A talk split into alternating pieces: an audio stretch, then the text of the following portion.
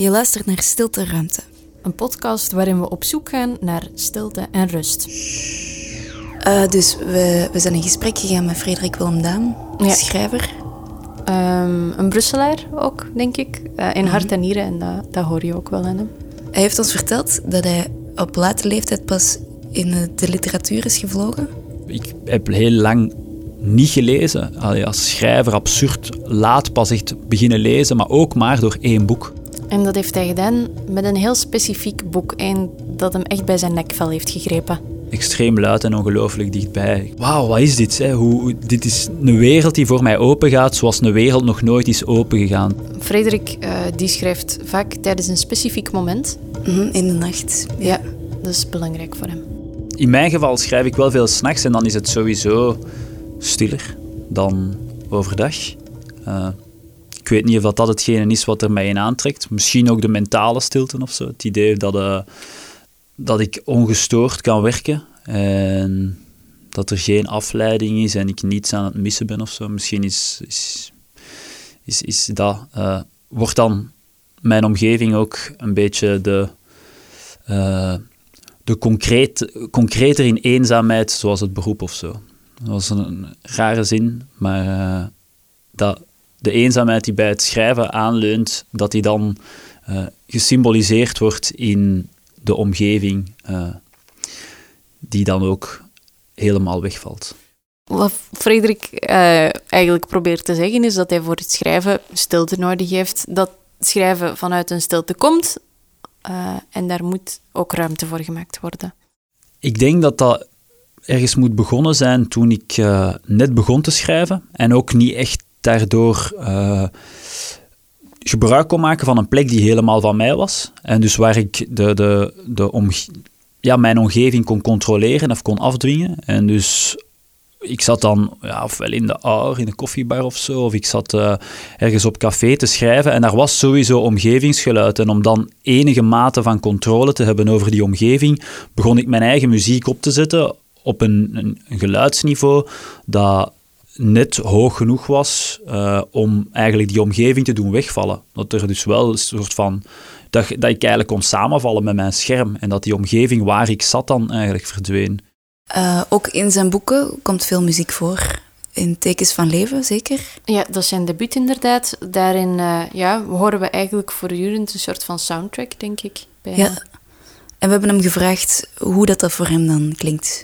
dus ik denk ergens ook als een soort van soundtrack waarvan de cafébezoekers, uh, omdat het echt wel zo, het, verhaal draait ook rond, uh, de, de, de, de spil van het verhaal is een soort van groep vaste bezoekers van dat café die, die, die ergens ook in elkaar zo wat familie zijn gaan zoeken om, om met hun eigen eenzaamheid om te gaan en, en, en die geruststelling of berusting vinden in, in, in de zekerheid en van de aanwezigheid van die anderen daar. Als een soort van constant geroezemoes, uh, waarbij de, dat, dat stelselmatig luider wordt, gaandeweg de avond of zo. En, en, en ja, dat, dat, dat denk ik zo'n beetje met, met af en toe een uitschieter van iemand die in ongeloof uh, uitroept uh, of, of, of, of moet lachen om iets. En voor verder gewoon een soort van alsmaar, wanneer, omdat ze ook uh, naarmate dat de alcohol heeft gevloeid, luider en luider worden, totdat het uh, onhoorbaar is voor iedereen die niet gedronken heeft en naar huis moet. Ik mis super, super hard wel gewoon de, de deur voor mij was, waarom ik heel erg hou van dat caféleven, is, is, is omdat dat voor mij echt een manier is uh, om de deur van mijn werk achter mij toe te trekken. En dat kan ik toch echt het beste op dat soort momenten door met vrienden uh, op café te gaan en, en, en, en gewoon echt te, lullen of zo. Dan, dan staat de tijd toch wel even voor, voor, voor mij mentaal stil uh, en kan ik echt in dat moment zijn en, en, en niet ja, thuis ben ik toch eigenlijk, of heb ik toch vaak het gevoel dat, dat, dat ik geen onderscheid meer kan maken tussen wat werk en leven is. En dat die twee wel echt uh, ja, heel hard in elkaar overvloeien. En stilte zelf, daar hou ik ook wel van. Of ik merk dan nu bijvoorbeeld in mijn straat, ik woon in een straat in Molenbeek, en uh, gewoon door de avondklok. Wat een wereld van verschil dat dat is, na tien uur. Als ik in bed lig, of doorheen de nacht, dat je niet opeens wakker wordt door uh, een scheurende wagen die door de straat rijdt. Het geluid van muggen, dat vind ik ongelooflijk onaangenaam. Maar ja, daar ga ik niet alleen in zijn. Maar dat is, vind ik, het heel, uh, meest, waarschijnlijk het meest storende geluid. En ik heb mezelf daar psychologisch overheen moeten zetten de voorbije twee jaar, omdat ik was zo gefixeerd op het geluid van muggen, dat ik die frequentie in alles kon horen. Dus ik schoot wakker wanneer ik een auto door de straat hoorde passeren, omdat ik de toonhoogte die overeenkomt met het geluid van een mug waarschijnlijk, die korte, die korte tijdspannen, dan schoot ik wakker en dan dacht ik, er zit een mug in de kamer. En dan volgde die, het geluid van die wagen die de hoek omging. En dan nee, nee, dat is, uh, uh, dat is uiteindelijk de auto. Maar dat had ik dus bij alles. Dat had ik dus ook als ik in de natuur was, dat zelf het blijten van een schaap of zo, dat, of het blijren van een schaap, daar hoorde ik dat ook in. En dus ik werd constant wakker omdat ik zo gefixeerd was op dat geluid van muggen. Omdat ik die af echt haat. Ja, uh, het, was niet helemaal duidelijk in ons gesprek, maar we vermoeden uh, zo stilletjes dat Frederik eigenlijk zelf aan het schrijven is over uh, social media op dit moment. Het was heel duidelijk dat hij daar uh, heel erg in toe was. Hè? Mm -hmm. Ja, dat hij er ook wel afstand van neemt. Dat hij zijn WhatsApp verwijderd heeft. Ja, en ook zijn Facebook trouwens, denk ik, al lang geleden. Hè? Ja, mm, dat het een soort ruis is dat hij buiten wilt sluiten. Ik ben daarmee gestopt, vooral omdat ik echt het gevoel had dat, omwille van die reden uh, in het bijzonder, dat wij denken dat dat communicatie vergemakkelijkt en dat ons in een bepaalde klem heeft en een bepaalde wurggreep waar wij dan niet aan kunnen ontsnappen van, oh ja, nee, het gaat toch wel moeilijker zijn om dan met iedereen af te spreken. Van als dat je daar iets op wilt zeggen, krijg je een soort van reeks van gifs en, uh, en memes terug en emojis en en dat is het dan. Er is gewoon, je, je, kunt niet voorbij die eerste barrière nog van communicatie. Je raakt daar niet meer voorbij. Het is gewoon een soort van muur. En zo. Nee, nee, daarvoor dient het niet. Daarmee moet je ons niet lastigvallen uh, met, met, met iets wat uh, serieus in een gespreksonderwerp. En dan denk ik, ja, waarom doe ik, waarom zit ik daar dan nog op? En, en, en ik ben echt ja, ongelooflijk gelukkig. Dat, want je, wordt ook niet gemist vaak. En als je, dat, is, dat is wat ik iets had, dat, dat ik vaststelde toen ik Facebook vier of vijf jaar geleden verdween.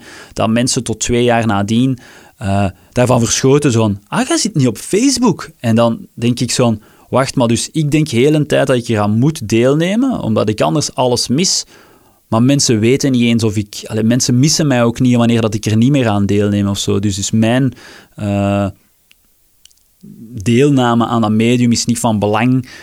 Uh, maar ik verspil er wel ongelooflijk veel tijd aan. En dan gaat dat nog los van het idee dat, dat, dat er natuurlijk allemaal media zijn die, die, die, die hoe dan ook uh, alleen maar uh, op winst belust zijn en mijn data daarvoor nodig hebben. dus al sowieso niet het beste voor hebben met mij. En ook nog eens dat er dan vaak gezegd wordt dat gebruik dat dan gewoon minder. Uh, terwijl ik dat natuurlijk wel wil, maar daar die, de allerbeste Harvard uh, cum laude afgestudeerde psychologen hebben om mij zo verslaafd als mogelijk aan iets te maken. En uh, tegen wat probeert je dan eigenlijk te vechten of zo? Dat, is, dat, dat maakt het zoveel. Dat maakt eigenlijk een, een, een, een, gevecht dat mijn energie niet verdient of zo boeiend onderwerp. Ja, het is voor ons ook wel belangrijk natuurlijk, hè, dat, dat lawaai dat veroorzaakt wordt door die digitale apparaten. Uh, het was voelbaar in het gesprek dat dat een vorm van ruis is die jij graag buiten wilt sluiten. Ja. Zeg maar, jij bent in zijn atelier geweest, toch? Ja, dat klopt. Um, het atelier heeft een, een tegelvloer, dus er is wel wat uh, auditieve reflectie om even uh, diep in de audio-specifieke dingen te gaan. Um, er hangen, denk ik, als ik het mij goed herinner, een paar artikels of zo aan de muur. Een typisch uh, schrijverding, zo klein paar dingetjes waar hij mee bezig is, als ik het mij goed herinner. En dan zo'n ijzeren kast waarin een paar boeken staan. Um, een paar van hem, een paar van andere mensen. de Eenzame Stad, bijvoorbeeld, denk ik, stond erin. Um, die zit in zo'n soort van halve kelder. Dus uh, dat geeft uit op een tuin. En ik heb voor mijn bureau zo twee kleine raampjes waar ik dus natuurlijk daglicht hebt dat daar, dat daar doorgaat. En dus je hoort wel echt uh, vogels. Dus, maar ik weet niet welke, want ik ben, omdat ik ook ben opgegroeid in de stad, is, is dat, dat, dat gegeven... Ik denk dat misschien ook daarom is dat, ik zo aangetrokken ben tot de natuur, omdat dat zo ongelooflijk ver van mij verwijderd is. Altijd als ik daar ben, is dat... Uh, ja, alsof ik, of, alsof ik ja, een wereld betreed die, die, die uit de boeken is of zo. En, en, en gevoelens in mij oproept die, die, die, die, ik eigenlijk nooit echt heb ervaren of zo. En, of een bepaalde rust over mij heen komt die ik, die ik voordien nooit heb kunnen ervaren. Uh, en dus wat, wat je dan hoort zijn af en toe uh, de koelkast, zo'n oude kleine koelkast die dan kouder moet worden of zo. En die dan gewoon zo'n mechanisch geluid begint te maken. En dan de tram die passeert. Langs de voorkant ook. En die de, aan de halte voor de deur af en toe. Dus uh, zo dat, dat, dat geluidje maakt dat de deuren sluiten. Zo, zo. Zoiets, ik weet het niet. En uh, dan ting, dat de deur ook toe gaat. En dan begint hij, dat hij begint te rijden. Het was heel stil, het was een regenachtige dag. En dat, dat hoor je extreem goed in het atelier. Want er is een soort van uh, gootje of zo dichtbij. Uh, en uh, daar vallen hele dikke druppels in. Tof, laten we luisteren naar het atelier van Frederik Wilmdaam.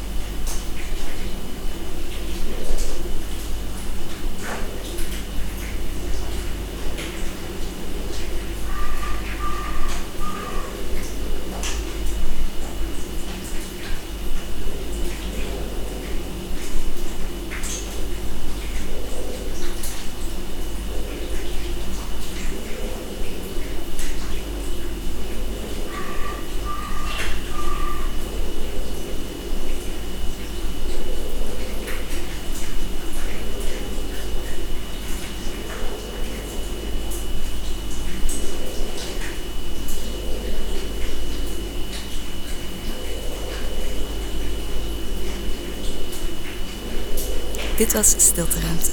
Opgenomen in de kelders van BNA BBOT, het Brusselse Geluidsarchief. Bedankt Omar Hobo voor de technische ondersteuning. En bedankt Robbe Petitjean voor montage en ook voor regie. Wij waren Lilith en Anna van Stilteruimte VZ2. En je kan ons een duwtje in de rug geven door ons te steunen op crowdfunding.be slash stilteruimte.